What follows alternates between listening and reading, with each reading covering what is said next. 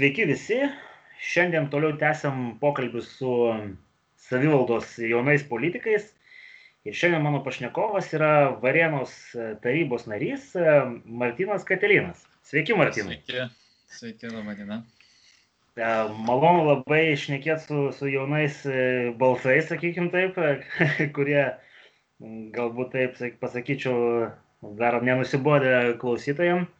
Ir, ir šiandien pašnekėsim pačiam aktualią temą ir manau visiems Lietuvoje pakankamai aktualią temą, tai apie pandemijos eigą, kalbu apie COVID-19 ir kokia politinė situacija, sakykim taip, kaip skirtingos valstybės tvarkosi su, su, su pandemija ir kaip mes atrodom tam kontekste ir, ir, ir ką būtų galima pasimokyti, ko nereikėtų mokytis ir panašiai. Tai pradžiai gal pirmas klausimas kaip pačiam atrodo Lietuvos, e, Lietuvoje esanti situacija, lyginant su, su kitomis Europos valstybėmis, lyginant su Junktinėmis valstybėmis, su Kinija, su kitom Pietričio Azijos valstybėm? Tai reikėtų pirmiausia turbūt e, išskirti, e, kaip yra tvarkomasi su pandemija kaip lyga ir kas, kaip yra tvarkomasi su jos pasiekmėm. Tai yra, kadangi įvestas karantinas, Lietuvoje bent jau jis yra, sakykime, gana griežtas, palyginus su kai kuriam valstybėm. Taip, yra, yra, yra valstybių, kuriuose yra dar griežtesnis negu Lietuvoje, bet e, kaip mėgstam dabar straipsnius ir skaitau ir, ir daug kas argumentuoja, kad Švedija staiga padarė tokį eksperimentą, kur nėra jokių draudimų. Tai aišku, ten apžvelgsim vėliau plačiau, kad ten su tais e, draudimais tai sakykime, yra viena tik pusė, kad draudimo nėra, bet vis tiek yra tam tikri apribojimai. Tai prie šito grįšim, bet jeigu kalbėt apie tą pandemijos suvaldymą, tai iš pradžių, kuomet tik tai įsivedėm karantiną, čia berods dabar net, palauk, net kalendorių reikia atsidaryti.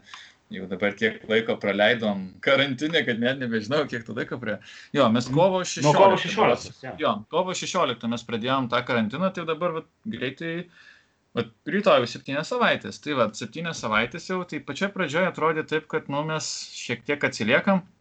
Buvo ir tos pagristos kritikos uh, vyriausybei, kad su testavimu viskas vyksta gana vangiai, kadangi atsilikom tiek nuo Latvijos, tiek nuo Estijos ir apskritai absoliučiai skaičiais mes labai uh, lietai įsibėgėjom, bet laikui bėgant, vad balandžio vidury tas persilaužimas įvyko.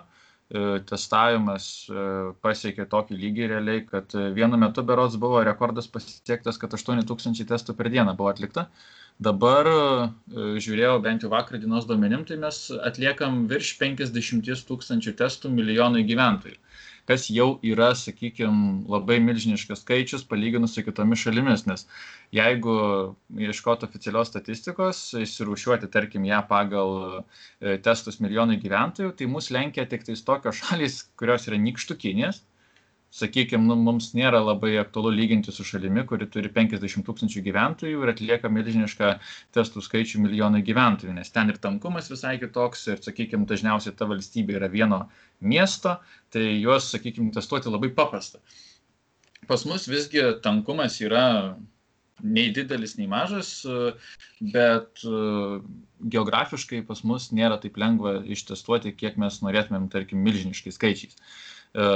Kitas dalykas buvo tai ka, gydytojai. Ka, kas, kas mus lenkia iš normalių, normalių nenikštokinių valstybių? Ir kiek, ir kiek galima tikėti tais skaičiais, kurie yra skelbiami? E, bent jau, e, čia vėl, jeigu apie skaičius, kuo tikėti, kuo ne, tai testų skaičiumi, sakykime, vakarų valstybių galima tikėti, atskira kalba būtų apie, sakykime, autoritarinę šalis, Baltarusiją, Rusiją, ten kokios nors kitos Afrikos šalis, sakykime, kurios galbūt pagražina tą skaičių, norėdami atrodyti geriau bendram bendram piešiny. Bet jeigu taip pažiūrėt kas iš tų e, valstybių mus lenkiančių iš tų didesnių tai yra islandija bet islandija trys šimtai tūkstančių ten berods gyventojų jeigu neklystu ir jungtiniai arabų emyratai kurie aišku turi daugiau tų gyventojų bet nu sakykim pragyvenimo lygis išsivystymo lygis kaip yra finansuojama ten sveikatos apsaugos sistema ir kaip pas mus tai galima labai didelius skirtumus įžvelgti o šiaip visos kitos e, yra nykštukinės, San Marinas, Luksemburgas, Gibraltaras, na dar Bahreinas iš tų didesnių, bet na, apie Bahreiną tai apie ką mums čia kalbėti, dabar nu, net nelyginkim. Tai va, tai mes, jeigu taip skaičiuojant testus vienam milijonui, tai mes atrodom tikrai labai gerai. Tai mes lyderiai Europoje galima taip konstatuoti. Realiai taip. Jeigu, jeigu Europoje imsim valstybės virš vieno milijono gyventojų, tai taip. Taip, mes tada esam testų vieną milijoną gyventojų lyderiai. Uh, dabar, dabar, dabar toliau dėl, dėl tų valstybių, kurios, sakykime, testus atlieka net ne taip gerai kaip mes. Tai būtų Japonija, kas atrodytų keista, nes Japonijos irgi technologinis įsivystymas yra labai didelis, bet su Japonija ten yra įdomus dalykai. E, ilgą laiką tenais valdo viena partija. E, ir šiaip, jeigu žiūrėti istoriškai, e, Japonija į šį koronavirusą sure, sureagavo gana vangiai dėl to, kad neturi visiškai patirties tvarkantis su epidemijomis. Ten tas vis, visas pietričių Azijos uh, kraštas, jis buvo labai stipriai paveiktas 2003 e, metų SARS viruso, čia tas e, sunkus ūminis respiracinis sindromas, jeigu lietuviškai, ir 2000 e, berots 13 MERS ten yra vidurio rytų respiracinis sindromas ir jis plito pagrindė tose pietryčių Azijos valstybėse. Bet Japonija jis aplinkė, iki Japonijos jis netėjo, dauguma tų valstybių, kurios nukentėjo nuo, nuo šitų virusų, nebuvo ten didelis labai mirusių skaičius ar susirgusių, jis buvo pakankamai suvaldytas, bet jos visos pritaikė šią patirtį reformuodamos savo sveikatos apsaugos sistemą kur iš karto tik tais atsiradus bent menkiausiai tikimybė, kad gali atsirasti kažkoks plitimas viruso, jos įsijungia, įsijungia mechanizmai, kurių mes tikrai Lietuvoje ir netgi vakarų Europoje mes neturim. Nes Europoje mes, nu, kokį paskutinį bet, karantiną galim prisiminti, kur būtų reikėję nešioti kaukės ir panašiai. Gal per gripo epidemiją matome. Matyt, ne, ne, neprisimenam tokio jau.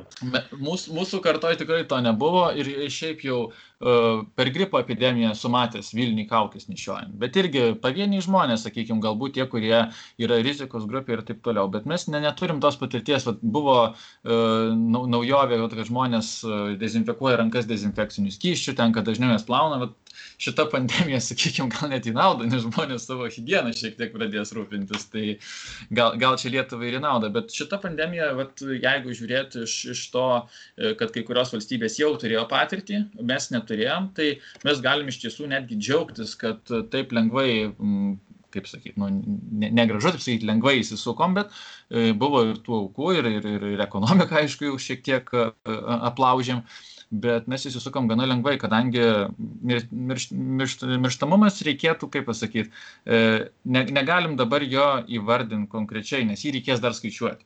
Vėliau pakalbėsim. O, o, o, o klausimas dar tada toksai būtų. Kaip, kaip atrodo šitas COVID-19, tų minėtų kitų pandemijų Pietričių Azijos kontekste mirtingumo prasme? Ar, ar čia yra jau, ar čia gerokai lenkia, ar, ar kaip? Jo, va čia ką ir norėjau pasakyti, kodėl mums pasisekė ir sakau, kad pakankamai lengvai įsisukom, kadangi dabar preliminariai skaičiuojama, kad yra 2-3 procentai mirtingumas, jis sviruoja valstybėse. Pavyzdžiui, Italijoje jis yra daug didesnis, kadangi ten buvo tas protrukis ir nesusitvarkė, Vokietijoje jis yra netgi mažesnis negu 2-3 procentai, tai čia jau yra valstybių specifika, bet visam pasaulyje, ten pasaulio sveikatos organizacijos teigimu yra tarp 2-4 procentų. Na, nu, aišku, čia apie pasaulio sveikatos organizaciją vėl pakalbėsim, bet, bet tarkim tarp 2 4 procentų, bet šie skaičiai yra, yra labai preliminarūs. O dabar su SARS, kuris ten buvo 2002-2003 pagrindinis plitimas, jo mirtingumas siekia apie 10 procentų. Tai dabar pabandykime ekstrapoliuoti, kas maždaug būtų, jeigu dabar biuros pasaulyje yra 3,5 milijono uh, užsikrėtusių pagal tą statistiką, kurią pateikia. Tai pasiskaičiuoti turbūt nesunku, kiek mirčių uh, turėtų būti. Uh, o MERS atveju apie 35 procentai mirtingumas. Tai praktiškai kas trečias žmogus nuo jo miršta. Tai jeigu turim 3,5 milijono susirgusių, tai kas trečias jau būtų virš milijono. Bet vėlgi yra labai sunku skaičiuoti, kadangi e, yra skirtingas užsikrečiamumas šitais virusais. SARS ir MERS atveju jų mirtingumas didesnis, bet jau užsikrėsti sunkiau. E, naujo, naujojo koronaviruso atveju e, užsikrėsti daug lengviau. Tai dabar jeigu prie šito viruso, tarkim, tokio lygio užsikrečiamumo pridėtumėm mirtingumą didelį, tai gautųsi taip, kad čia negalėtumėm tiesiog ekstrapoliuoti paprastai procentų nuo užsikrėtusių skaičius. Jisai auktų dar labiau, kadangi mes ir taip kovojam ir įvedam tą karantiną, kad sumažinti sveikatos apsaugos sistemos apkrovą, ten ta flatten the curve, kaip vadinasi, e, kad suspaustumėm tą kreivę, kad nebūtų didelio piko, e, kuris viršytų stipriai mūsų sveikatos apsaugos pajėgumus. E, tai dabar prie didelio mirtingumo ir tokio užsikrečiamumo, jeigu jisai būtų toks kaip dabar, tai sakykime, būtų daug daugiau negu tas ekstrapoliuojant gaunamas milijonas ar kažkiek nes būtų didelis užsikrečiamumas, didelis mirtingumas, labai stipriai apkrauta sveikatos apsaugos sistema ir tada jau, sakykime, viskas lūštų ir tada būtų, kaip sakoma, kiekvienas su savimi, skestančiojo gelbėjimas yra tik jo pačio reikalas. Tai būtų labai blogai. Dėl to aš sakau, kad e, mums santykinai pasisekė, visam pasauliu pasisekė, nes dabar galėsim iš tiesų permastyti, kaip mes uh, elgiamės ir kaip mes esam pasiruošę, nors jau ir seniai, ir prieš dešimt metų, ir prieš, ir prieš penkis metus buvo tikrai ne vienas žmogus, kuris sakė, kad reikia ruoštis ar virusui, ar bakterijai, ar kokiam nors pirmuoniui, e, visada bus kažkokių naujų lygų. Ir visada reikia jiems ruoštis, kurti kažkokius planus, kaip Afrikoje ebolos virusas, jo mirtingumas yra juk milžiniškas. Gerai, kad jisai neiš, jo plitimas labai sudėtingas yra tai jisai taip greit neplinta. Bet kas vat, atsitiktų, jeigu tokio mirtingumo virusas kaip ebola pradėtų plisti kaip koronavirusas dabar? Nu, matyti, tai, italai su ispanais, italai su ispanais matyti nesidžiaugia ir, ir dabartinio viruso plitimu ir, ir visko. Nes... Jiems ir nėra ko džiaugtis, jie visiškai, sakykime, taip jau labai būtiškai jie susimovė. Susimovė, aišku, visas pasaulis, bet uh, su Italija, Ispanija ten, ten yra kiti dalykai. Italijoje, kodėl jie taip stipriai susimovė? Dėl to, kad jie vėlavo su viskuo, jie neturėjo nei apsaugos priemonių, neįvedė laikų karantino. Juk Italijoje karantinas praktiškai įvestas kelios dienos prieš tai, kai įvestas Lietuvoje, biurots kovo. Kovo 10 galbūt karantinas ten buvo įvestas, dabar tiksliai nepasakysiu, bet vad kovo prieš vidurį tai jau vasario gale ten buvo milžiniški užsikrėtusių skaičiai ir jie vis toliau augo, ten po 10, po 15 procentų augimas būdavo. Ir, ir karantiną įvedė per vėlai. E, netgi ir patys italai, sakykime, tokia yra tauta, kurie nėra labai pasiduodantys kažkokiems nurodymams. Ir netgi jų kultūra yra visiškai kitokia negu, tarkim, šiaurės gyventojai, tarkim, švedai arba vokiečiai kažk... E, jau e, Europoje. Vokiečiai nesiglebiščiuoja susitikę tiek daug. Su švedais iš viso atskira kalba, jie nemėgsta net apsikabinti ten, ta prasme, susitikę. O Italijoje, net ir siaučiant koronavirusui, susitikdami žmonės gatvėje apsikabina, pasibučiuoja bužantus. Tik tam virusui plisti, tai juk terpė čia yra nuostabi tiesiog. Na taip, žiūrint, žiūrint į Europą, dažniausiai, kai kalba apie tos teigiamus pavyzdžius, cituoja Pietų Koreją, Kiniją, kai kas Taivaną, Japonija pradžioje citavo kaip, kaip, kaip sėkmingo tvarkymosi atvejai mhm. arba asmenų, skirtingos, aišku, strategijos. E, kaip pat tos sėkmės istorijos Europoje, kurias valstybės mes galėtume įvardinti ir, ir dėl kokių priežasčių, kaip sėkmingai susitvarkiusios su, su plėtimu nuo pat pradžių. Nuo pat pradžių aš turbūt manau, kad Vokietija, kadangi norėčiau aišku sakyti, kad Lietuva, bet nu, ne, negaliu, negaliu, nes valdantieji net, čia aišku toks lyrinis nukreipimas. Bet uh, Vokietija dėl to, kad gyventojų skaičius yra didžiausias, uh, sakykime, tankumas tam tikrose šalies vietose yra milžiniškas, bet pas juos sveikatos apsaugos sistema visiškai neapkrauta. Jie netgi piko metu, kuomet Italija, na, sakykime, priimdavo pacientus net ne koridoriuose ligoninės, o laukia lovos būdavo. Tai vokiečiai sugebėjo dar atsiskraidinti tuos pacientus sunkios būklės iš tų šalių, kurios stipriai paveiktos pas save ir gydyti juos. Tai, tai daug ką parodo, kad jie buvo tam ne tiek pasiruošę konkrečiai virusui tokio tipo, bet jų sveikatos apsauga yra pritaikyta e, įvairiems, sakykime, įvairiems negandams ir, ir, ir jie iš šito įsisuko kaip laimėtojai. Jų netgi ir ekonomikai neturėtų tiek daug smukti. Bet e, dėl Vokietijos, kas dar yra, tai teko matyti straipsnis, kad kadangi pavasaris e, daug kur yra su, su derliumi reikalai, e, su žemės ūkiu, tai vokiečiai iš principo nesusitvarko su savo darbo jėga, jiems trūksta jos tiek, kad net ir įvedus karantino ribojimus, uždarius sienas, jie skraidinasi šimtus tūkstančių sezoninių darbuotojų iš Rumunijos. Ir buvo ten vienas atvejis, kuomet vienam komplekse, dabar nepamenu, kokia ten gamykla buvo, netiek ir svarbu, užsikrėtė biurots iš 300 Rumunijos piliečių, gal 150 nustatyta koronaviruso atveju. Tai realiai, nors vokiečiai vat, susitvarkė tikrai gerai, ten yra atskiri niuansai, bet jau čia, sakykime, leisim virusologams ten po to, po, po pandemijos aiškintis, kas buvo gerai, kas blogai. Bet net uh, galima įvertinti dalyką, kad uh, viruso plitimui padeda tas uh, ekonomikos nesugebėjimas išlaikyti savo valstybėje. Tarkim, kad mes turim savo ekonomiką suformavę taip, kad mes privalom įsivežti darbo jėgą. Mes negalim išgyventi su turimais savo resursais. Ir kai met, kuomet pasaulis susidaro, visiškai, tarkim, kaip ir šiuo metu, tai mes negalim taip lengvai susitvarkyti ir vis tiek turim kažkokių tai išimčių vat, ieškoti, taikom jas ir įsivežam mums reikalingus darbuotojus ar, ar, ar, ar ten kažką kitą. Bet įsivaizduokim tai, kad mes sukeliam pavojų tiem saviem piliečiam, kadangi mes nežinom realiai, ką taip greitai įsivežam, nes testuoti visų juk neįmanoma įvežamų, kaip mes ištestuosim 300 tūkstančių ten kažkokių įvežtinių sezoninių darbuotojų. Tai čia reikėtų vertinti dar ir tai, kad e, yra valstybės, e, kurios gali būti pasiruošusios bet kokiam virusui, bet kokiai pandemijai, bet e, ekonomikai griuvus grius ir sveikatos apsaugos sistema. O sveikatos apsaugos sistema šiuo atveju turi veikti nepriekaištingai, kadangi tai yra, na, sakykime, pirm, pirminė gynybos linija. Jeigu jinai lūšta, lūšta vis, vis, viskas kita. Tai pirmiausia, sakykime, yra ekonomika, kuri išlaiko sveikatos apsaugos sistemą, bet sveikatos apsaugos sistema paukojus vardan ekonomikos, lūšta pati ekonomika, toks gaunasi uždaras ratas. Tai vad reikia stengtis uh, išlaikyti kuo daugiau uh, gamybos ir kad ta gamyba remtųsi vietinė darbo jėga. Akivaizdu, kad tai nėra įmanoma absoliučiai, kad ne, nebus taip, kad šimtas procentų dirbančių yra vietiniai ir nebus jokios imigracijos, bet šiuo atveju mes uh, turim vertinti ir tai. Pavyzdžiui, vat, japonai, uh, jie susidūrė labai su dideliu kaukių trūkumu. Nes Japonijoje šiaip yra ta mada, kad jie labai mėgsta švarą. Žinom, Japonus net matėm juk per 2018 pasaulio čempionatą futbolo, kai Japonijos ir gali po uh, rungtynių su šiukšlių maišais, su pirštinėm, su, su, su kaukiam vienkartinėm surenka šiukšlę stadione.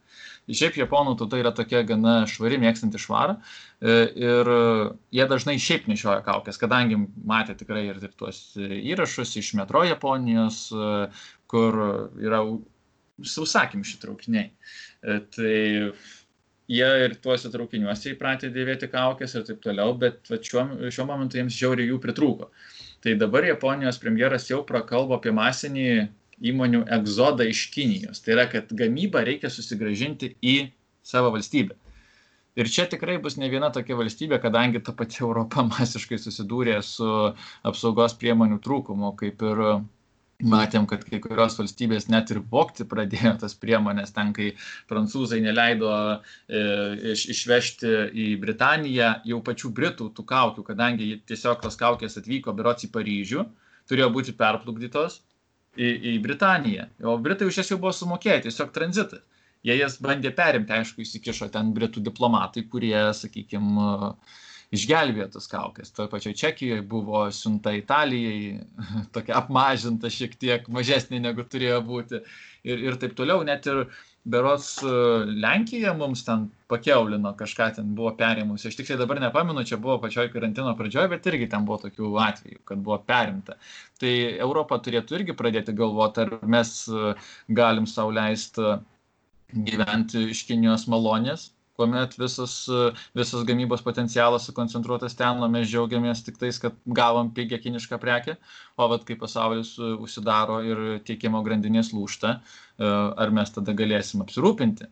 Galbūt šiuo atveju mes pritrūkom ten kaukių, dar kažkokiu atveju pritrūksim daug svarbesnių dalykų. Tai čia visam, niekuomet nežinai, visuomet reikia turėti kažkokį bent jau baziniai gamybos lygiai savo valstybėse, ne tik viską išvežti ten, kur, tarkim, pigesni kaštai ir džiaugtis, kad mes čia labai daug išlošėm ir sumažinom savo CO2 išmetimą. Pagrįžtam prie pasaulio sveikatos organizacijos.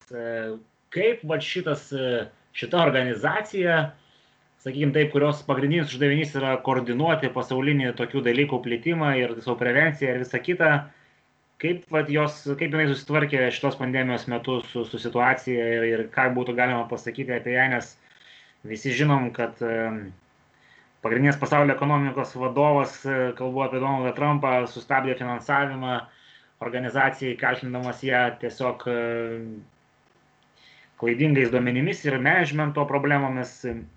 Ar čia pagristi dalykai, ar čia yra politikos e, niuansai?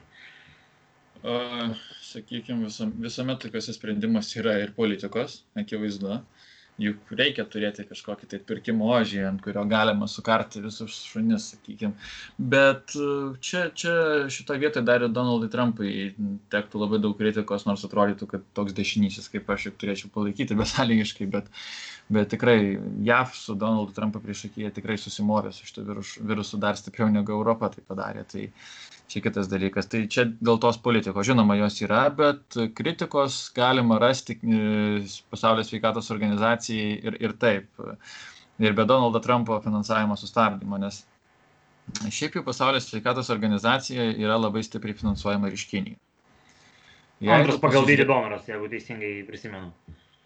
Berots, man atrodo, gal ir trečias, nes antras yra Berots Bilas Geitsas su savo, su, su, su savo sakykime, to privačiu fondu. Bet čia neesmė, tarkim, nes net ir pandemijos eigoje, vasario, kovo mėnesį, dabar balandį, kiek žinau, Kinija papildomai skyrė pasaulio sveikatos organizacijai po 20-30 milijonų dolerių per mėnesį kažkur. Tai čia yra dideli pinigai to, tokiai organizacijai. E, reikėtų dar pažiūrėti, kas pirmininkauja tai organizacijai, kas jai vadovauja. Tai yra, berots Etijopijos e, toks ultrakairysis buvęs, kuris, nu, tokių marksizmo-leninizmo e, pažiūrų turėjęs ir pažiūrėkim, kas Kinijai vadovauja, kokią partiją. Nors aišku, galbūt nereikėtų tokių labai jau griežtų sąsajų daryti, bet bet pa, galim panagrinėti ir giliau. Tai jeigu žiūrėt e, per ekonominę prizmę šitoje vietoje, tai tas dabartinis vadovas, jis yra iš Etijopijos, o kinai yra suinvestavę milijonus į Etijopijos infrastruktūrą. Yra pastatę daug ligoninių, tyrimų centrų, investavę ištisus netgi šimtus milijonų. Tai visuomet e, galima pagalvoti apie galimą korupciją tokioje vietoje. Ir dabartinis vadovas, netgi atsiversiu, buvau čia susiradęs timeline, kadangi yra pasaulio sveikatos organizacijos paskelbtas timelinas, kaip vystėsi koronavirusas. Tai čia labai glaudžiai susijęs ir Taivanas, kadangi žinom situaciją, Taivanas jis ne, neturi kažkokios nepriklausomybės. Čia buvo kitas rezonansinis pokalbis, kai interviu viename klausė, žodžiu, pasaulio sveikatos organizacijos, kaip Taivanas, kaip Taivanė situacija su koronavirusu ir jie sako, we think China is doing alright. Jo, jo, ir po to paklausė pas jį dar kartą, patikslino, jisai dinksta jam išės, po to jis prisijungia. Taip, taip, ir, ir po to ten bando kažką pasakyti. Ir šiaip pasaulio sveikatos organizacija dėl Taivano šito vietoje, uh, jie taiko um, tą uh, One China policy, vienos Kinijos politiką. Uh, Čia aišku, akivaizdus spaudimas iš Kinijos pusės, nes kuomet tu remi milžiniškais pinigų kiekiais, tu gali pradėti reikalauti, kad nu, gal ne, nežaiskim politinių žaidimų, jūs atlieka tam tikrą savo tiesioginę paskirtį, tai yra stebėjimui, kontroliai ir rekomendacijų teikimui. Ir mes norėtumėm, kad, tarkim, ten mūsų geopolitika liktų taip, kaip mes, kaip mes sakom. Tai, tai čia tas svarbu. Buvo juk PSO suteikę Taivanui stebėtojo statusą, dabar ir jo nebėra. Tai kodėl aš nukrypau link Taivano šitoje vietoje? Nes jie dar gruodžio gale, kuomet uh, aš pamenu, pirmas reportažas pas mus buvo naujųjų metų naktį per žinias, kad Kinijoje pastebėta kažkokia nauj, nauja pneumonija, nes pakitimai plaučiuose buvo kitokie negu įprastinis. Tai Taivanas dar tada, čia praeitais metais gruodžio gale įspėjo, įsiuntė įspėjimą oficialų pasaulio sveikatos organizacijai, kad ši pneumonija galimai yra sukeliama naujo tipo koronaviruso. Tai į šitus įspėjimus nebuvo kreipta dėmesio. Paskui sausio pradžioj, čia beje labai svarbus dalykas, Taivanas informavo pasaulio sveikatos organizaciją, kad naujasis virusas perdodamas iš žmogaus žmogui. Nes e, kai vertini tokius virusus, yra svarbu e, žinoti jų kilmę. Čia šita, e, tiksliai šito viruso kilmės pasakyti dar nė, nėra įmanoma, vėliau tai bus aišku nustatyta, bet jis yra kilęs iš gyvūnų, ta pre, preliminari išvada. E, yra kilęs iš gyvūnų. Pirmas svarbus dalykas, ar gali to gyvūnų virusų užsikrėsti žmogus, čia pirmas etapas, ir ar gali tas žmogus susikrėtęs užkrėsti kitą žmogų po to jau seka kiti etapai, kiek jis žmonių gali teoriškai užkrėsti ir taip toliau. Bet pirmi du yra patys svarbiausi. Ar, ar, žmog, ar iš gyvūno žmogus gali gauti šį virusą ir ar gali perduoti žmogus žmogų. Uh, Taivanas sausio pradžioje įspėjo vėlgi tiek atskiras valstybės, tiek pasaulio sveikatos organizacija, kad reikėtų atkreipti dėmesį, nes mes turim duomenų, kad perduodamas iš žmogaus žmogui. Tai dabar va net tiksliai pasakysiu, Mm, berots, jo, sausio 21 pasaulio sveikatos organizacija patvirtina tą žmogaus žmogui perdavimą šio viruso, kai Kinijoje jau buvo berots virš 200 atvejų.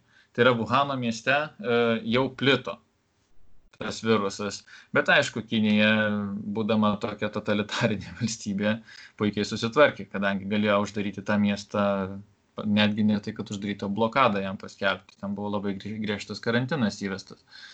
Tai pasaulio sveikatos organizacija pradėjo iš pradžių girti labai stipriai Kiniją, kadangi čia puikiai tvarkomasi, gana greitai stabilizuotas užsikrėtimų skaičius, neišplito į visą žemyninę dalį, sakykime, nes buvo koncentruota viskas viename mieste, jos toj pagrindiniai provincijoje, kitose ten buvo užfiksuota keli šimtai atvejų, kas Kinijos mastais yra niekinis skaičius kuomet gyvena šimtai milijonų gyventojų, užsikrečia visoje provincijoje 200 žmonių.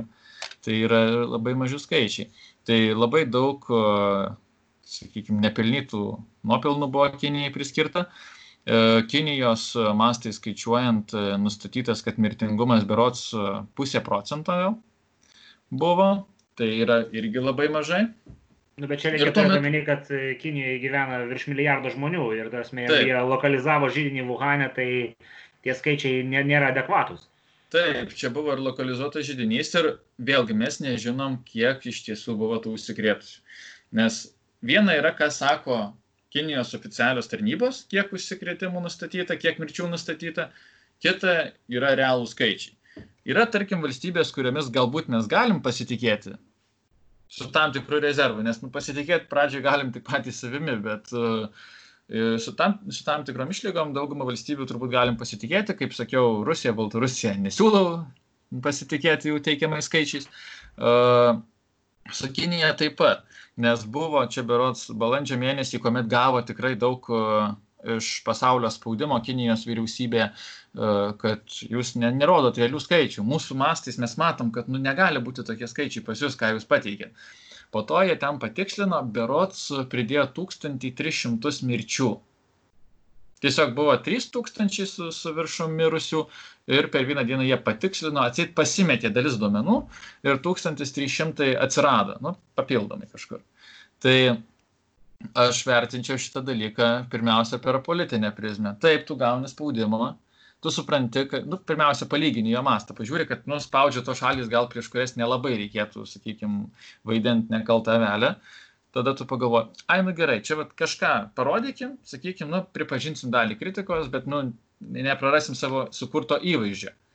Ir pridėjo tie ten kažkiek tų skaičių, o kiek iš tiesų yra ten tų užsikrėtimų ir mirčių, vėlgi negalim pasakyti, nes net iki šios dienos Kinija griežtai neįsileidžia e, nei JAF, nei kitų vakarų valstybių stebėtojų į Wuhano miestą, visiškai nesuprantama kodėl, kaip jie teigia, jog tam mieste jau protrukis visiškai suvaldytas, viskas jau stabilu, gyvenimas grįžta į savo vėžes, visi atvejai, kurie fiksuojami naujai berots jau pusę mėnesio, yra tik įvežtiniai tai yra, kad vidinio plitimo jau nebėra, tai ka, kam slėpti kažką, kam bandyti meluoti, tai tegu parodo, galės įvertinti ir vakarų ekspertai, kaip buvo suvaldytas tas virusas, nes viskas, ką mes girdėjom, tai iš pasaulio sveikatos organizacijos panegyrikos visokiausios. Bet e, šiuo atveju su pasaulio sveikatos organizacija mes net ir jie negalim iki galo pasitikėti, nes ir iš jos e, sklinda į, įvairius, įvairūs dalykai, tarkim, kad ir e, mūsų pats gerbiamas Vitenis Pavlas Andriukaitis, kuris yra biuros specialusis pasiuntinys Europai nuo pasaulio sveikatos organizacijos. Tai buvo irgi toks e, geras prikoliukas, kaip aš mėgstu vadinti, kai jisai e, vasario e, gale pasakė, kad čia nieko baisaus tas virusas, čia juokinga, kiekvienais metais nuo gripo miršta tūkstančiai ir niekas nedaro tokios tragedijos. Čia į, į tą temą, kuomet mėgstam vadinti šį virusą, ai čia tiesiog gripas. O po to, e, kai jau pradėjom karantiną, čia praėjus trim savaitėm, prasidėjo masinė kritika iš jo, kad mes nepasiruošę, kad mes nesuvaldom, kad čia bus labai daug mirčių, kad čia yra visiška nekompetencija ir taip toliau. Tai vad, kai palyginė komunikacija vat, iš oficialaus asmens, kuris yra specialusis pasiuntinys visam žemynui, ne tik Lietuvai, bet visam žemynui, uh, ir matai jo tokius vertinimus, tai supranti, kad ir pati ta organizacija visiškai buvo nepasiruošusi.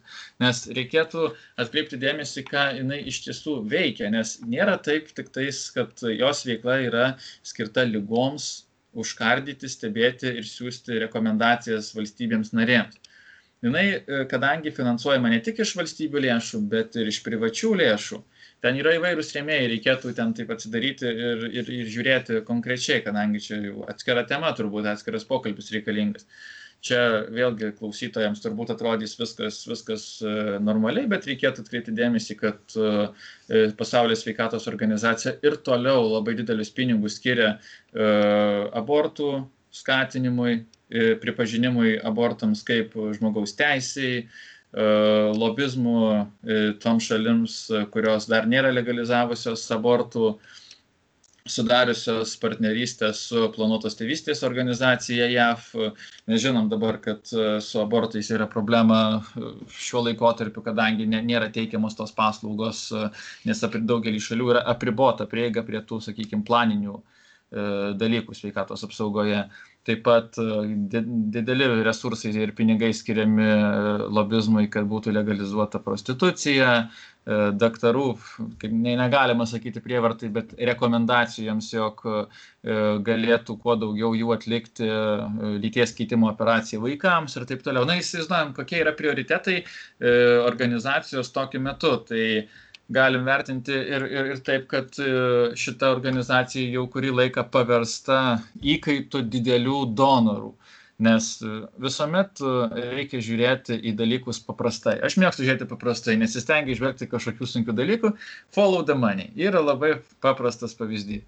Jeigu yra kažkas labai suinteresuotas kažką pakeisti, nesvarbu, į gerą, į blogą, nesvarbu. Visuomet žiūrėk, iš kur plaukia pinigai. Nes ten, kur pinigai, yra ir iniciatyvos, ir norai, ir idėjos, ir, ir taip toliau. Tai jeigu įvertintumėm visus šitus dalykus, tai galim sakyti, kad organizacija iš tiesų netlieka savo svarbiausios paskirties ir galima būtų mąstyti apie jos reorganizavimą kažkokį, kadangi prie jos išlaikymo prisideda viso pasaulio valstybės ir Lietuva, ne, neįskiriant ir, ir visos kitos. Tai kadangi mes išlaikom, mes galim ir pasakyti, kokie turėtų būti prioritetai, o ne kažkoks e, Etijopijos komunistėlis, taip gražiai kalbant. nu, matyti, jisai yra teisėtai išrinktas pirmininkas, tai čia jau galbūt e, yra vidinės kažkoks e, vidinė problema, jeigu organizacija išsirenka labai angažuotą vienos valstybės atžvilgių lyderį. Nes akivaizdu, kad kin, kin, kinai, kinai, Nu taip, bet kinai nebuvo, bent jau renkant į tuo metu, nebuvo didžiausių donorų ir matyt, kaip sakoma, malkos krenta ant visų, ne tik ant jų, nes vadovas yra kas yra. Taip, nu negalim nurašyti visko, žinoma, ant vienos valstybės, bet vėlgi e, nereikėtų žiūrėti vien oficialaus finansavimo. Labai daug e, šitų dalykų galima išvelgti ir per tą neoficialų lobizmą jog Kinija sudėjo didelius pinigus į įvairius infrastruktūrinius objektus visam pasauliu. Stengiamasi kuo, kuo daugiau į Afriką suinvestuoti, nes perimama yra įvairūs objektai, taip, toj pačioje Europoje yra investuojama masiškai Kinijos, tai toks yra neoficialus lobizmas, ne, negalim sakyti, kad va, pasiimam sąrašiuką, kas oficialiai finansuoja pasaulio sveikatos organizaciją ir tada procentaliai paskaičiuojam įtaką, kas ten ką nulėmė renkant pirmininką ar ten dar kažką. Tai čia reikėtų vertinti plačiau ir ten buvo daug tokių korupcijos apraiškų, buvo plačiai ir aprašyta, bet tas neįsirutulioja, nes šiaip jau pagalvokim, kada paskutinį kartą toj pačioj Lietuvoje ar kitur buvo labai akcentuojama šita organizacija mesgi realiai neturėjo jokių didelių problemų. Mes esam pamiršę tokius dalykus. Tai mums pasaulio sveikatos organizacija kaip tokia svarbi, kas, du, du mėnesius dabar jinai tokia yra. O, o anksčiau mes daugumą, sakyčiau, net nežinotų, o dabar išeičiau, kadangi atmirkinė esu. Uh, paklausinėčiau turbūt žmonių, tai dar ir dabar turbūt nedaug ne kas žinotų, kas ta pasaulio sveikatos organizacija. Tai čia reikia domėtis tokiais dalykais e, ir tikėtis, kad tada kažkoks e, lūžis įvyks, o negalvoti, kad vat, man aktualu ir čia viskas nuo to turi pradėti keistis. Tikrai taip. Gerai, pabandom tada perėti galbūt prie, prie Lietuvos. Pradžiai, pradžiai galbūt klausimas, kaip Lietuvos sveikatos apsaugos sistema ar išlaikė šitą pandemijos testą? Nu čia vėlgi, kaip vertinsi, jau kaip, kaip kalbėjom pradžioj, tie testai atliekami gerai, tai yra didelis kiekis, bet pažiūrėkim, kad iš to berots tūkstančių. Bet čia ne tik, ne, ne tik apie testus, apie medikus užsikrėtusius ir apie plitimą. Tai va, apie, apie tą ir vat norėjau pakalbėti, nes testai yra tik viena pusė, kad mes jų daug atliekam, nereiškia, kad mes puikiai tvarkomės. Bet kita vertus, iš to 1400 dabar jau gal ir virš užsikrėtusių, e, keli šimtai iš jų yra gydytojai. Ir tas tikrai susijęs su apsaugos priemonių trūkumu pačioj pradžioj e, e, šitos visos pandemijos ir įvesto karantino. Tai vienas aspektas jau, kad mes nesugebėjom apsaugoti pagrindinių karių šitam kare, medikų. Tai jau tas testų masinis atlikimas dabar nieko nereiškia. Mes turėjom pačioj pradžioj mesti visus galimus resursus testuoti medikams.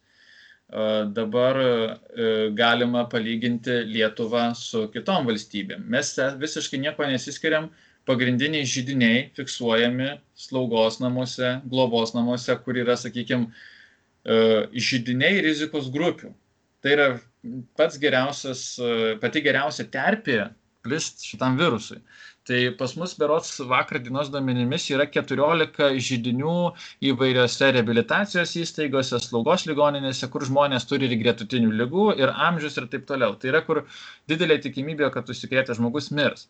Tai berots Kretingos rajono miestelį, ten Antavilių pensionatas berots ar koks Uh, dabar nepamenu. Čia, uh, čia, čia, čia, čia Vilnius. Uh, Ai, Vilnius, atsiprašau, atsiprašau, jo, čia daug tų buvo pavadinimų. jo, daug, jo, tai vad buvo kretingoji, kur aš, kodėl užstrigo jis man, kadangi siūlė berodas 35 ar 40 eurų už valandą atlygį norintiems ten dirbti, nes labai pritrūko darbuotojų, kadangi jie visi užsikrėtė. Dabar ten, ten berodas užsikrėtė 21 iš 28 pacientų.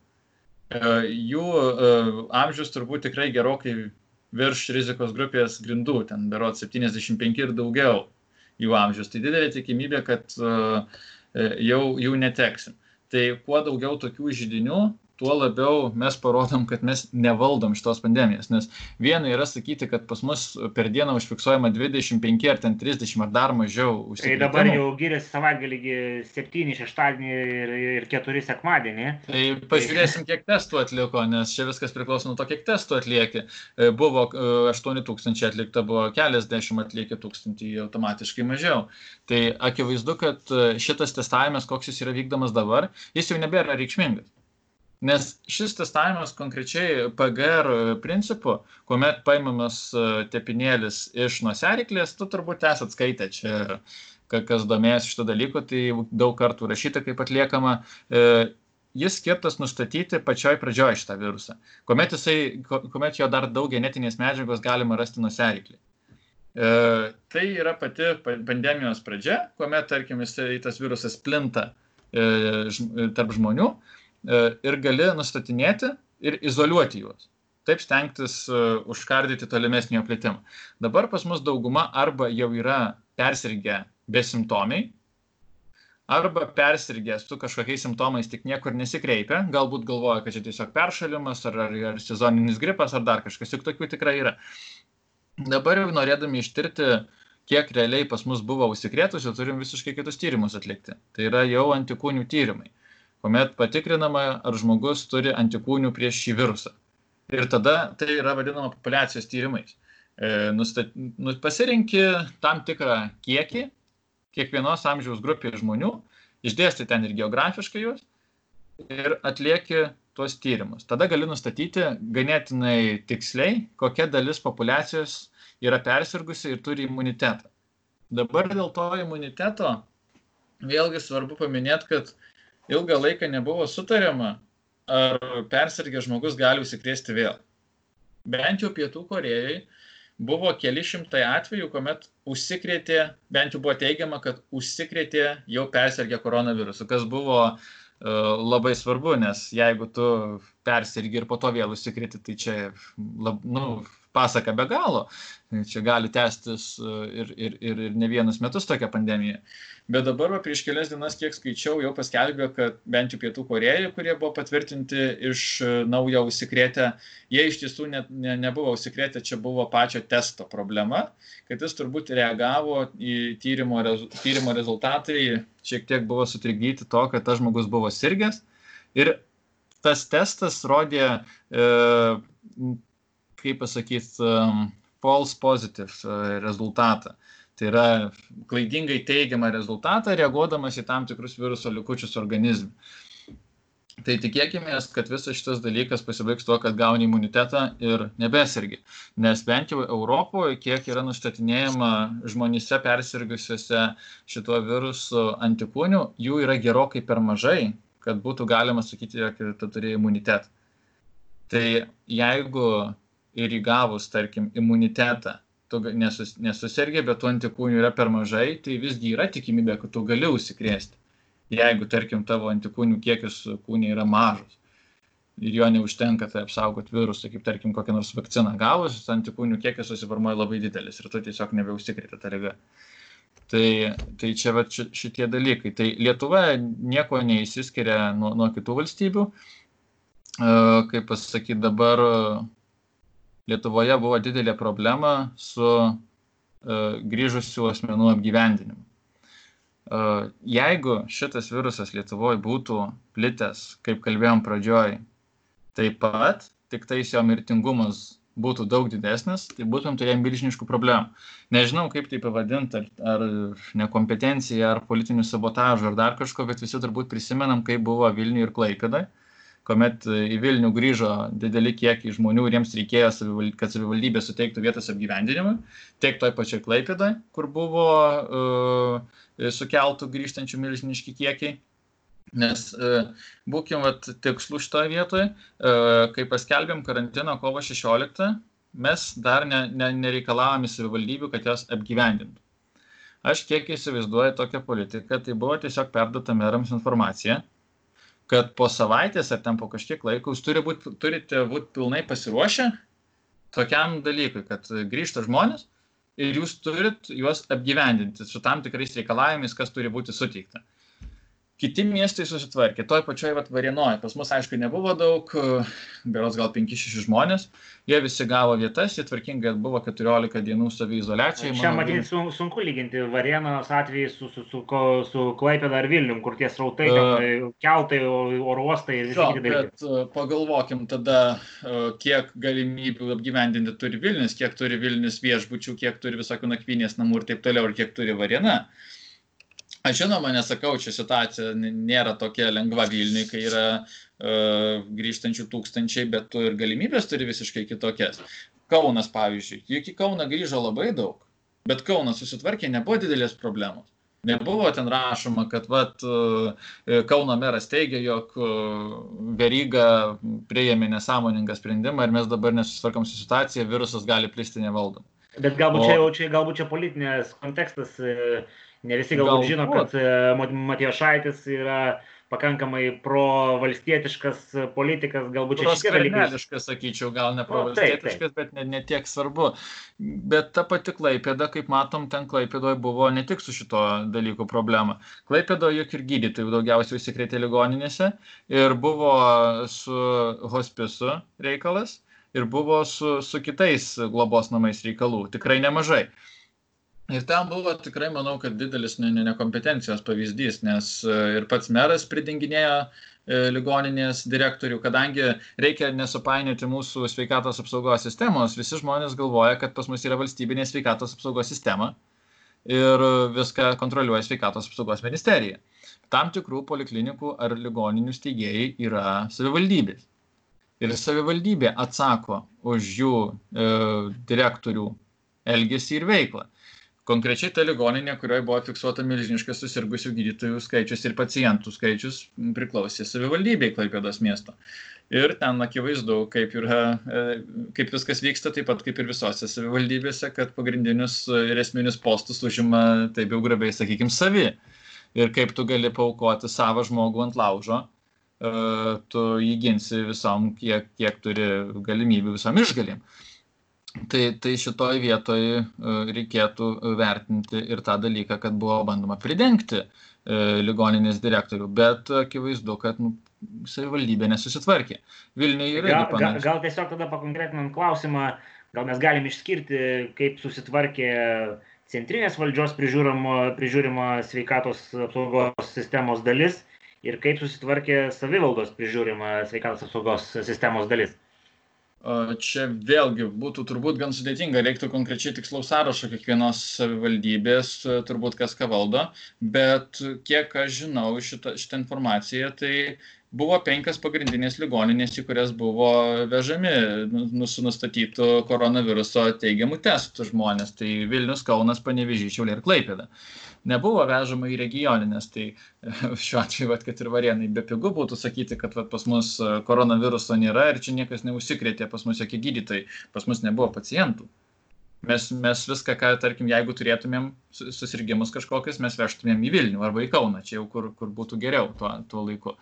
Tai pas mus e, ne, negali taip sakyti, kad mes čia puikiai susitvarkėm, bet uh, reikėtų šitą patikslinti, gal paieškoti konkrečiai, kur kokios ligoninės priklauso sveikatos apsaugos ministerijai, kurios priklauso savivaldybėms ir tada palyginti statistiką. Bet vat, konkrečiai Klaipėdas pavyzdys man labiausiai įstrigo, kad jisai uh, tikrai buvo nekompetencijos, didelis, labai nekompetencijos pavyzdys. Nes nors vat, mes šitoje vietoje galim paminėti tą pačią mano merkinę, čia, nors Lietuvoje 46 beros tik tais mirtys, uh, merkinė irgi turi vieną į statistiką įtraukus, nors merkiniai nėra nei tūkstančio gyventojų. Bet čia irgi labai įdomus atvejis su, su šituo uh, užsikrėtimu, nes uh, užsikrėtė 90 metų senolis. Uh, kiek buvo, mano žiniom, atliktas epidemiologinis tyrimas, jokie artimieji nesirgo koronavirusu, o senolis niekur nesilankydavo tik miestelio kapinėse. Tai jisai jau buvo sakykim pakankamai garbaus amžiaus jisai gal ir negalėdavo negaliu tiksliai pasakyt bet jisai niekur iš namų neidavo. Labai įdomu kaip jis užsikrėtė. Ir vat kaip tas atvejis buvo paskelbtas aš aišku sužinojau pusė paros po to kai jis buvo nustatytas bet e, tas atvejis labai čia visus suneramino kadangi tas senolis yra šeimos gydytojas tėtis ir ta šeimos gydytoja dirba tiek mūsų e, poliklinikoje, tiek kita, keliose kitose įstaigose. Tai turbūt įsivaizduojat, kaip miestelį, kuriame turbūt didžiausia gyventojų grupė 70 plus metų asmenys sureaguoja į tokį galimą viruso plitimą, kuris tokio amžiaus žmonės tiesiog šienauti šienauja. Tai buvo labai labai daug nerimo, bet e, viskas baigėsi gerai, bet iki šiol mano žiniom nėra iki galo išsiaiškinta, kaipgi užsikrėtė tuo virusu. Nes e, bent jau mano duomenim, e, tas asmuo sirgo šiaip kažkokia, ar peršalimo simptomai buvo ar kažkas, ir jisai buvo skubiai išvežtas į santaros klinikas ir kaip suprantu, jam ten buvo atliktas testas. Tas testas nustatytas teigiamas ir berots po paros tas asmo mirė. Bet yra galimybė aš manau bent jau čia žinoma neoficiali informacija čia yra mano sakykim spekuliacijos yra galimybė kad tas asmuo užsikrėtė ligoninėj galbūt jisai sirgo šiaip kažkokia liga ne koronavirusu kas nusilpino nu, labai susilpnino jo imunitetą ir jis patekęs į ligoninę pasigavo tą virusą čia tas nepatekęs į vilnių Taip. Ar patekęs į vietinę ligoninę? Į Vilnių, į Vilnių. Jisai buvo tiesiai, tiesiai į Vilnių santaros klinikas išvežtas. Jisai pasigavo, tarkim, ligoniniai, jo testas buvo teigiamas. Bet jisai neužsikrėtė, tarkim, toj pačiai merkiniai. Tai čia va, tokie dalykai irgi labai įdomus, kadangi, manau, tų užsikrėtimų buvo nemažai ligoninėse, toj pačiai ukmergėjai, kur buvo irgi žydinys ilgą laiką. Tai čia reikėtų labai šitą vertinti pro, atsargiai, nu, pro tokią atsargumo prizmę. Nes ne, negalima taip griežtai žiūrėti, kad uh, tam tikros ligoninės nesusitvarkė, tam tikros susitvarkė. Tai tada galbūt e, dar kitaip galima klausimą pakreipti. Galbūt sveikatos apsaugos sistema Lietuvoje susitvarkė ir neblogai, bet uh, mūsų politikai, kurie yra atsakingi už managementą ir jų sprendimai buvo neadekvatus, nesavalaikiai ar, ar kažkaip panašiai. E, vėlgi, negali sakyti, kad nėra savalaikiai. Mes pakankamai anksti užsidarėm karantinui, kaip minėjau, ta pati Italija, kuri tapo bloguoju pavyzdžiu, kaip suvaldyti šį virusą.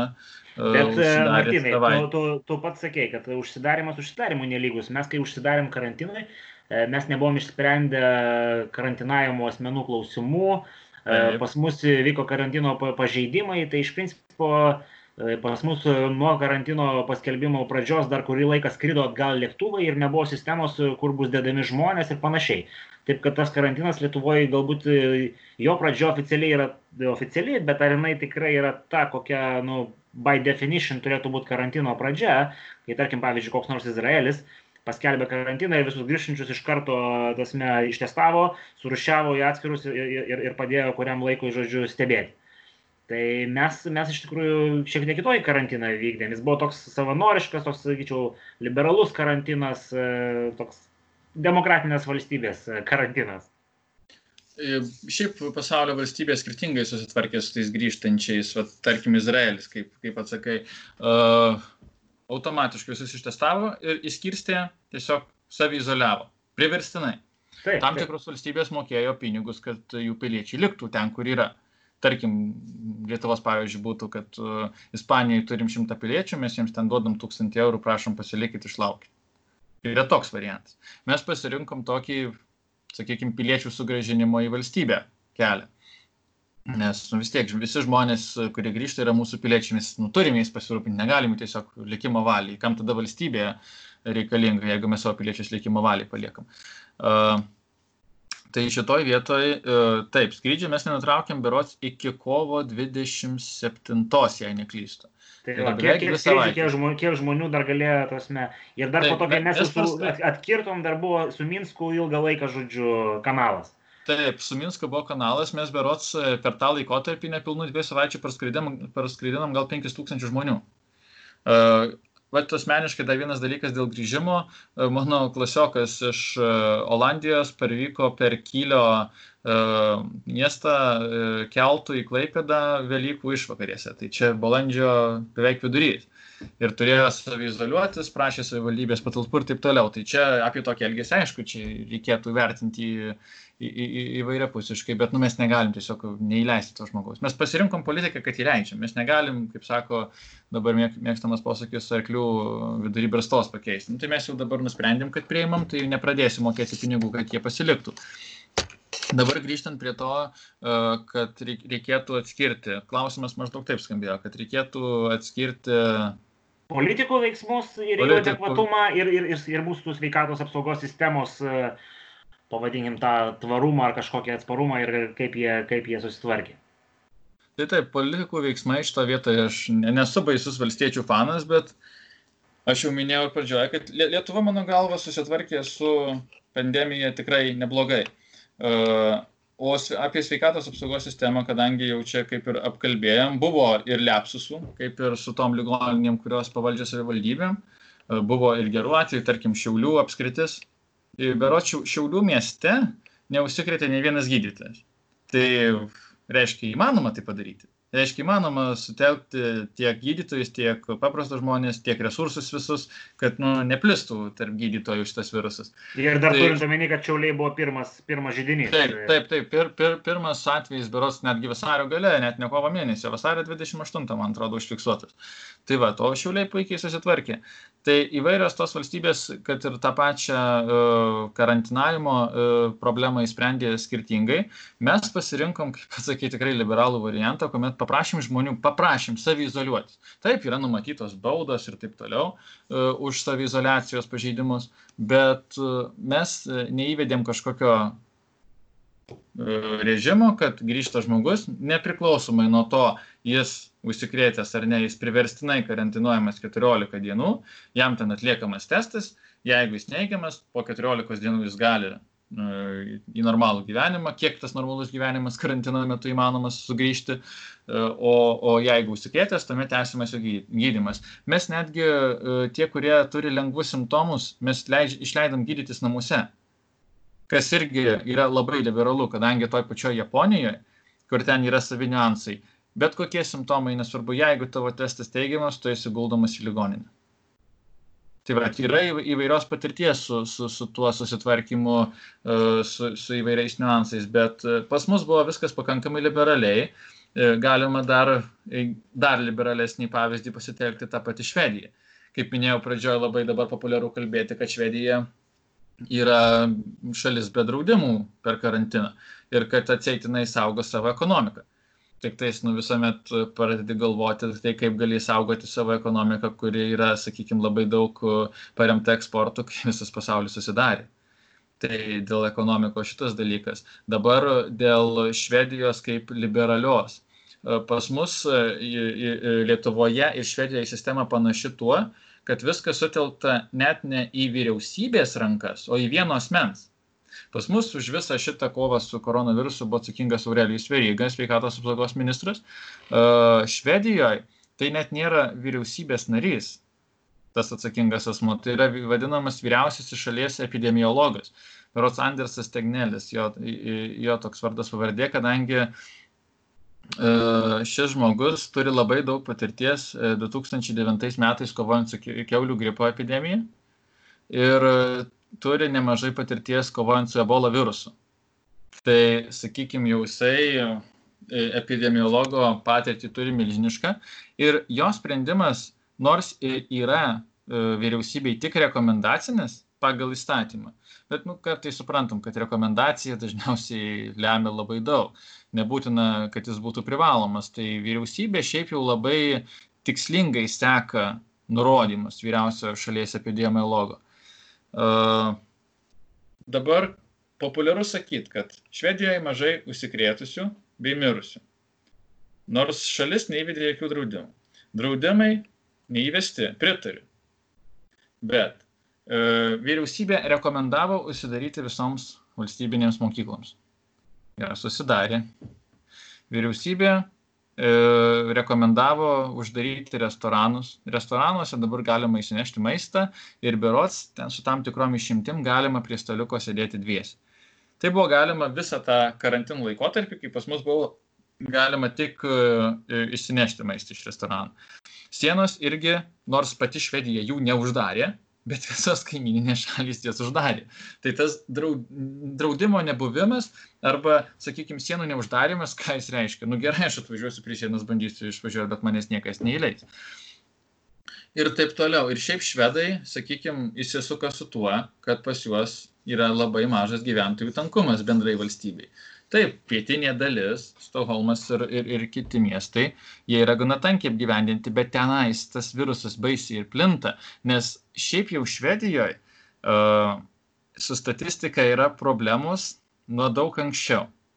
Kadangi Švedija turėjo tą didelę neigiamą patirtį su imigracija kadangi priėmė kelis šimtus tūkstančių migrantų per tą migrantų krizę ir paskui prasidėjo įvairūs niuansai su statistikos slėpimu, kiek ten jie atlieka nusikaltimų ir taip toliau. Čia šitas turbūt girdėtas, kas domėsi tokiais dalykais, tai tikrai esat girdėję. Tai dabar dėl to oficialaus mirtingumo ir susirgymų skaičiaus Švedijoje. Tai Švedija bent jau kiek skelbia, nėra tokie skaičiai blogi dabar va, žiūriu, šiuo metu yra paskelbta, kad yra 22 tūkstančiai su viršum užsikrėtusių ir 2700 mirusių. E, bet reikėtų vertinti tai, kad jie atlieka labai mažai testų. Lietuva atlieka penkis kart daugiau testų milijonai gyventojų negu Švedija. Ir jeigu jau taip vertint, tai kad būtų teisingas vertinimas, galima palyginti Švediją su kaimininėmis šalimis - Norvegija, Suomija ir taip toliau. Uh, tai visos to šalys kaimininės fiksuoja daug mažesnius susirgymus milijonai gyventojų ir daug mažesnį mirtingumą milijonai gyventojų. Dabar net ir su tuo fiksuojamu skaičiumi, kas yra blogai. Blogai yra tas, kad dauguma tų skaičių net nepat, realių skaičių nepatenka į statistiką. Nes Švedijoje galioja tokia politika, kad jeigu tu esi virš 75 metų, tau pasireiškus simptomams, tu negali būti guldomas į skubios pagalbos skyrių. Čia tokia skandalinga, sakykime, mūsų akims informacija, bet Švedijoje tai yra gana įprasta. E, nežinau, kodėl buvo priimtas toks sprendimas. Viena iš spekulacijų, kad švedai taip atlaisvins savo gerovės sistemą. Ne, nebereikės mokėti išmokų didelių ir pensijų. Čia toks jau, sakykime, labai žiaurus būdas įspręsti sunkėjančią naštą vis, visos tos gerovės valstybės. E, bet e, labai dideli skaičiai tų žmonių, kurie miršta senelių namuose, globos įstaigose, jie realiai neužfiksuojami, nes jiems net netliekamas testas, ar jie užsikrėtę buvo ar ne. Tai galima viską vertinti pagal skaičius. Nes tu gali nedaryti testo e, dėl koronaviruso, bet mirtingumo rodikliai, tai jie bendri, turi irgi adekvačiai keistis. Tai dabar jeigu įvertintumėm, kad iki šiol, tarkim, iki šių metų balandžio pradžios, e, savaitė, kuomet mirė daugiausia žmonių, buvo berots pati pirma 2000 metų savaitė. Kuomet mirė 2000, aš neturiu skaičius, 2364 žmonės. Čia Švedijoje. Taip, Švedijoje per vieną savaitę, 2000 metų pirmoji savaitė. Dabar, jeigu žiūrėsim šitą vat, pandemijos laikotarpį, tai balandžio 6-12 dienomis per savaitę mirė 2500 žmonių. Jau auga. Tas skaičius neproporcingai, sakykime. Kovo 30 balandžio 5 2354, e, balandžio 13-19 2310. Reiškia, mirštamumas yra stipriai išaugęs. Tas bendras skaičius, kur susideda visi tenais e, nuo, nuo visokiausių lygų. Bet jau akivaizdu, kad kažkur yra tas paslėptas, sakykime, augimo generatorius. Nes Švedija, kaip sakiau, mirė per, per visą pandemiją, per, sakykime, jau dabar du mėnesius 2700 žmonių. Tai nėra tiek daug, bet iš tiesų, kaip ir toj pačioj Italijoje, tam tikrose miestuose mir, mirtingumo rodikliai bus fiksuojami daug didesni, nes pasijėmus e, kovo mėnesio, o dabar jau greitai bus prieinami ir balandžio mėnesio duomenys, tikrai matysim, kad e, bus tam tikrose miestuose tūkstančiais didesnis mirtingumas negu įprastai, o juose nustatyta tik tais keli šimtai mirčių nuo koronaviruso atveju. Tai reiškia, galima, kad... galima sakyti, kad čia šiek tiek paradoksali situacija. Gerovės valstybės etalonas e, Švedija ir jos išsivystimas šiuo atveju yra, buvo bent jau pateikiamas kaip tam tikras gero tvarkymosi pavyzdys. E, žiūrint į skaičius, kuriuos pats minėjo, taip nėra. Taip nėra, nes e, visas šitas dalykas išpūstas buvo dėl to, kad Švedija neįvedė jokių ribojimų. Kai pas mus negali be kaukės išeiti į lauką, negali nueiti išgerti va, tokiu geru oro laus e, restorane kažkur ar bare atsisėdęs, jau kažkokie gyvenime pokyčiai vyksta, tu žiūri, o kaip kitur yra. Ir tu matai antraštys, jog Švedijoje jokių draudimų, ten žmonės vos gali ne, uh, gyventi taip, kaip uh, prieš pandemiją. Bet ten praktiškai visiškai to, toks pat gyvenimas. Dauguma žmonių dirba iš namų. Ekonomika irgi patirs nuosmukį, kadangi eksporto rinkos susidarė, mokyklos uždarytos ir taip toliau. Tie draudimai neįvesti, bet uh, poveikis tas pats, nes žmonės remiasi rekomendacijom. Ir būtent ta gerovė jau galima, taip sakyti, lenda per gerklę švedų. tai... Nes, nes mirštamumo rodikliai dideli, e, žmonėmis ligoninėse realiai nėra pasirūpinama, viskas daroma turbūt taupant, nes suprantama, kad tokią gerovės valstybės e, sistemą apkrautą išlaikyti ekonominės krizės sąlygomis bus sunku. Tikrai taip. E, tai grįžtant, grįžtant prie Lietuvos, e, kaip būtų galima įvertinti mūsų politikų plačiaja prasme, politinio elito, tiek pozicijos, tiek opozicijos veiksmus vat, pandemijos metu ir nenustabu, kad artėja rinkimai, matyt, visi, visi bandys, jeigu anksčiau buvo tų klausimų, kurie buvo esminiai daugiau, tai dabar matyt viskas suksis apie pandemiją, susitvarkymą, e, ekonomikos gaivinimo, tas, visus, visas priemonės ir jų veiksmingumą ar neveiksmingumą. Kaip atrodo mūsų politikų veiksmai vat, pandemijos metu ir, ir, kaip būtų galima jas vertinti?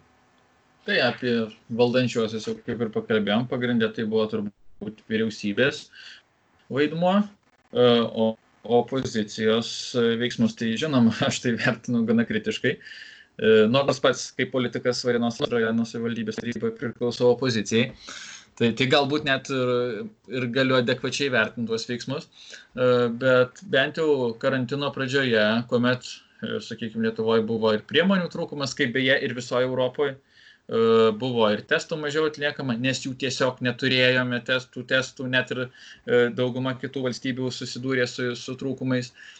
E, tai gal ir buvo galima adekvačiai pakritikuoti, kad mes nepasiruošę, bet tai su pastebėjimu, kad nepasiruošę ne tik mes, o nepasiruošęs visas pasaulis.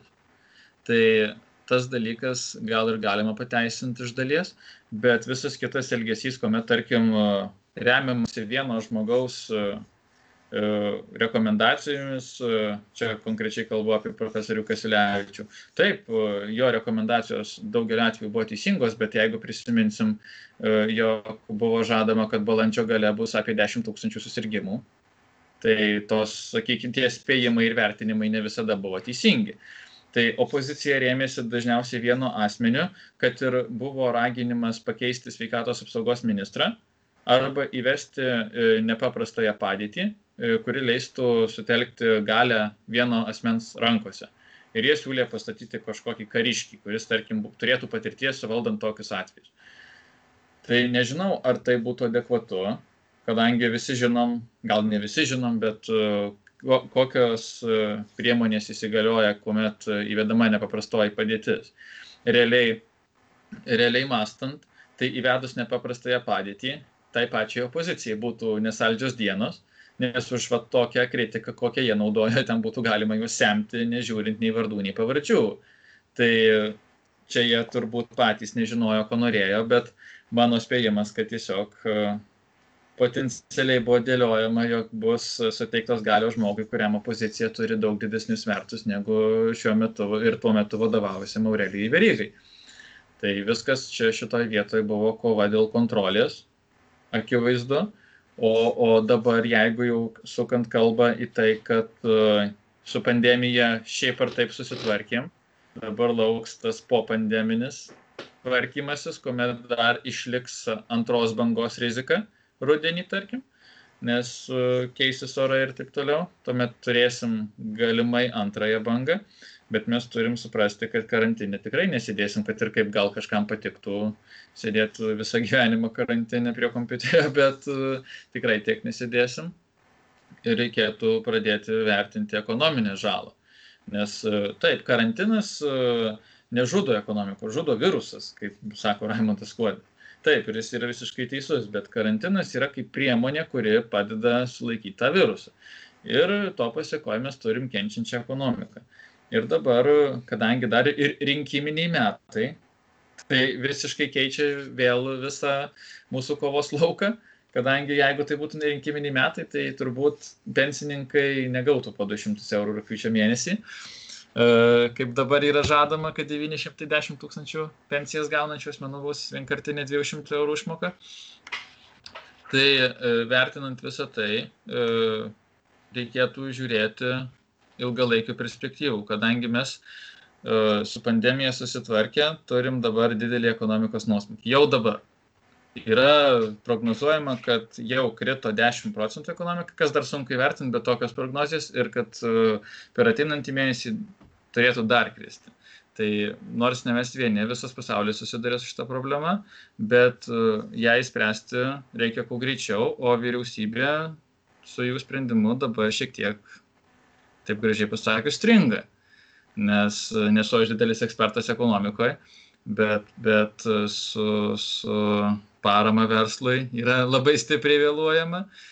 Kiek, kiek žinau, iš tų didelių žadėtų sumų yra išmokėta keli milijonai, gal dabar daugiau, čia gal ir pasienus informacija. Tai tą elgesį vertinant pandemijos metu, aš, kaip sakiau, vertinu teigiamai, o po pandeminiu laikotarpiu bent jau šiuo metu tai ganėtinai neigiamai.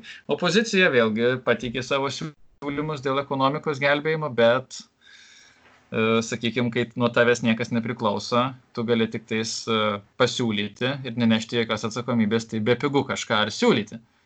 Nes kai neneši atsakomybės, tavo pasiūlymai gali būti berybiai. Tai, tai, tai va šito vietoje tiek būtų. Tai kaip kai pats manai, ar artėjantis rinkimai, ar gali būti dar kažkokių temų, kurios nulems rinkimų baigti, ar realiai E, šitos dvi paminėtos, tai susitvarkymas su pandemija ir ekonominės krizės, e, e, sakykim taip, administravimas galbūt tiktų žodis, mhm. bus va tie dalykai, kurie nu, nulems ateinančių rinkimų į parlamentą Lietuvoje baigti. Taip, turint omeny, kad į tų rinkimų dabar kiek penki mėnesiai beliko, tai praktiškai ta kampanija jau vyksta. Manau, kad, aišku, didžiausią dėmesį prikaustys susitvarkymas su ekonominės krizės padariniais ir galimai, jeigu įvyktų antras, antroji banga viruso, tai iki rinkimų tai tikrai būtų sukoncentruota vien tik tais į tas temas. Nes iš esmės galim tą pačią žiniasklaidą dabar va, pažiūrėti pastarųjų dviejų mėnesių trendinančias temas. Juk buvo virusas, iš pradžių vien tik virusas, po to po truputį įsijungė ekonomika, kai jau mes pradėjom justi pasiekmes viso šito užsidarimo. Tai per rinkimus aš manau, kad bus išlikęs tas žmonėms arba palaikiai valstiečius, tai yra palaikiai su jų susitvarkymu per pandemiją, E, arba tu pritariai opozicijos kritikai, kad valstiečiai situacijos nekontroliuoja. Manau, kad čia bus tokios dvi pagrindinės skirtys ir manau, kad valstiečiams šita pandemija visai naudai šie, nes jie buvo tokiam gana stabiliam kritime, o dabar turi visai šansų kažkiek iškilti. Nu, tas tai taip, bet e, čia matyt, galbūt taip vertins e, tokie, sakykime, mažiau dinamiški gyventojų sluoksniai, turiu omeny pensininkus, nes realiai vien tik tai šališkumas, simpatijos, antipatijos, matyt, sunkiai lems sprendimus, jeigu tu esi jaunesnės kartos atstovas ir dingo tavo darbo vieta arba, tavasme, jinai susitraukė, tai galbūt tada ne tiek simpatija, antipatija vaidina vaidmenį, o pradedama žiūrėti į priemonės ir, ir jų adekvatumą.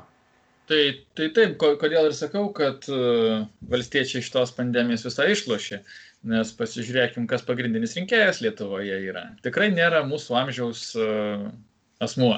Mūsų amžiaus asmenų juk tai ateina niekingai mažas procentas į rinkimus.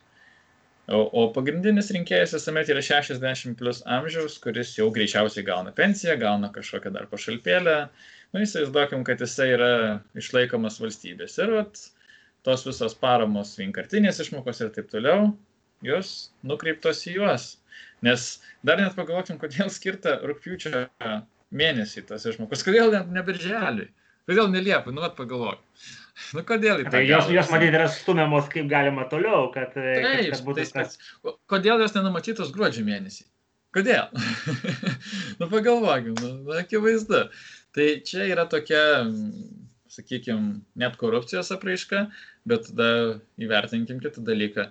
Kada Lietuvoje ar kitur pasaulyje e, valdantieji, turėdami galimybę, tokiu, sakykime, mandagiu būdu nepirko balsų. Visi turėdami galimybę spirkti balsus, juos perka. nu, dabar, visur pasaulyje tokių pavyzdžių tiesiog apstu yra kuomet prieš rinkimus yra dalinamos išmokos, kiek didinami pažadai, kad vat, po rinkimų bus tas ir tas padidinta. Ir tai yra fokusuojama į tas rinkėjų grupės, kurios nulėmė realiai rinkimų baigti. Nes pas mus jeigu neįtiksi pensininkams, viskas. Realiai tu esi nušluotas nuo galimybės būti valdančiai daugumoje.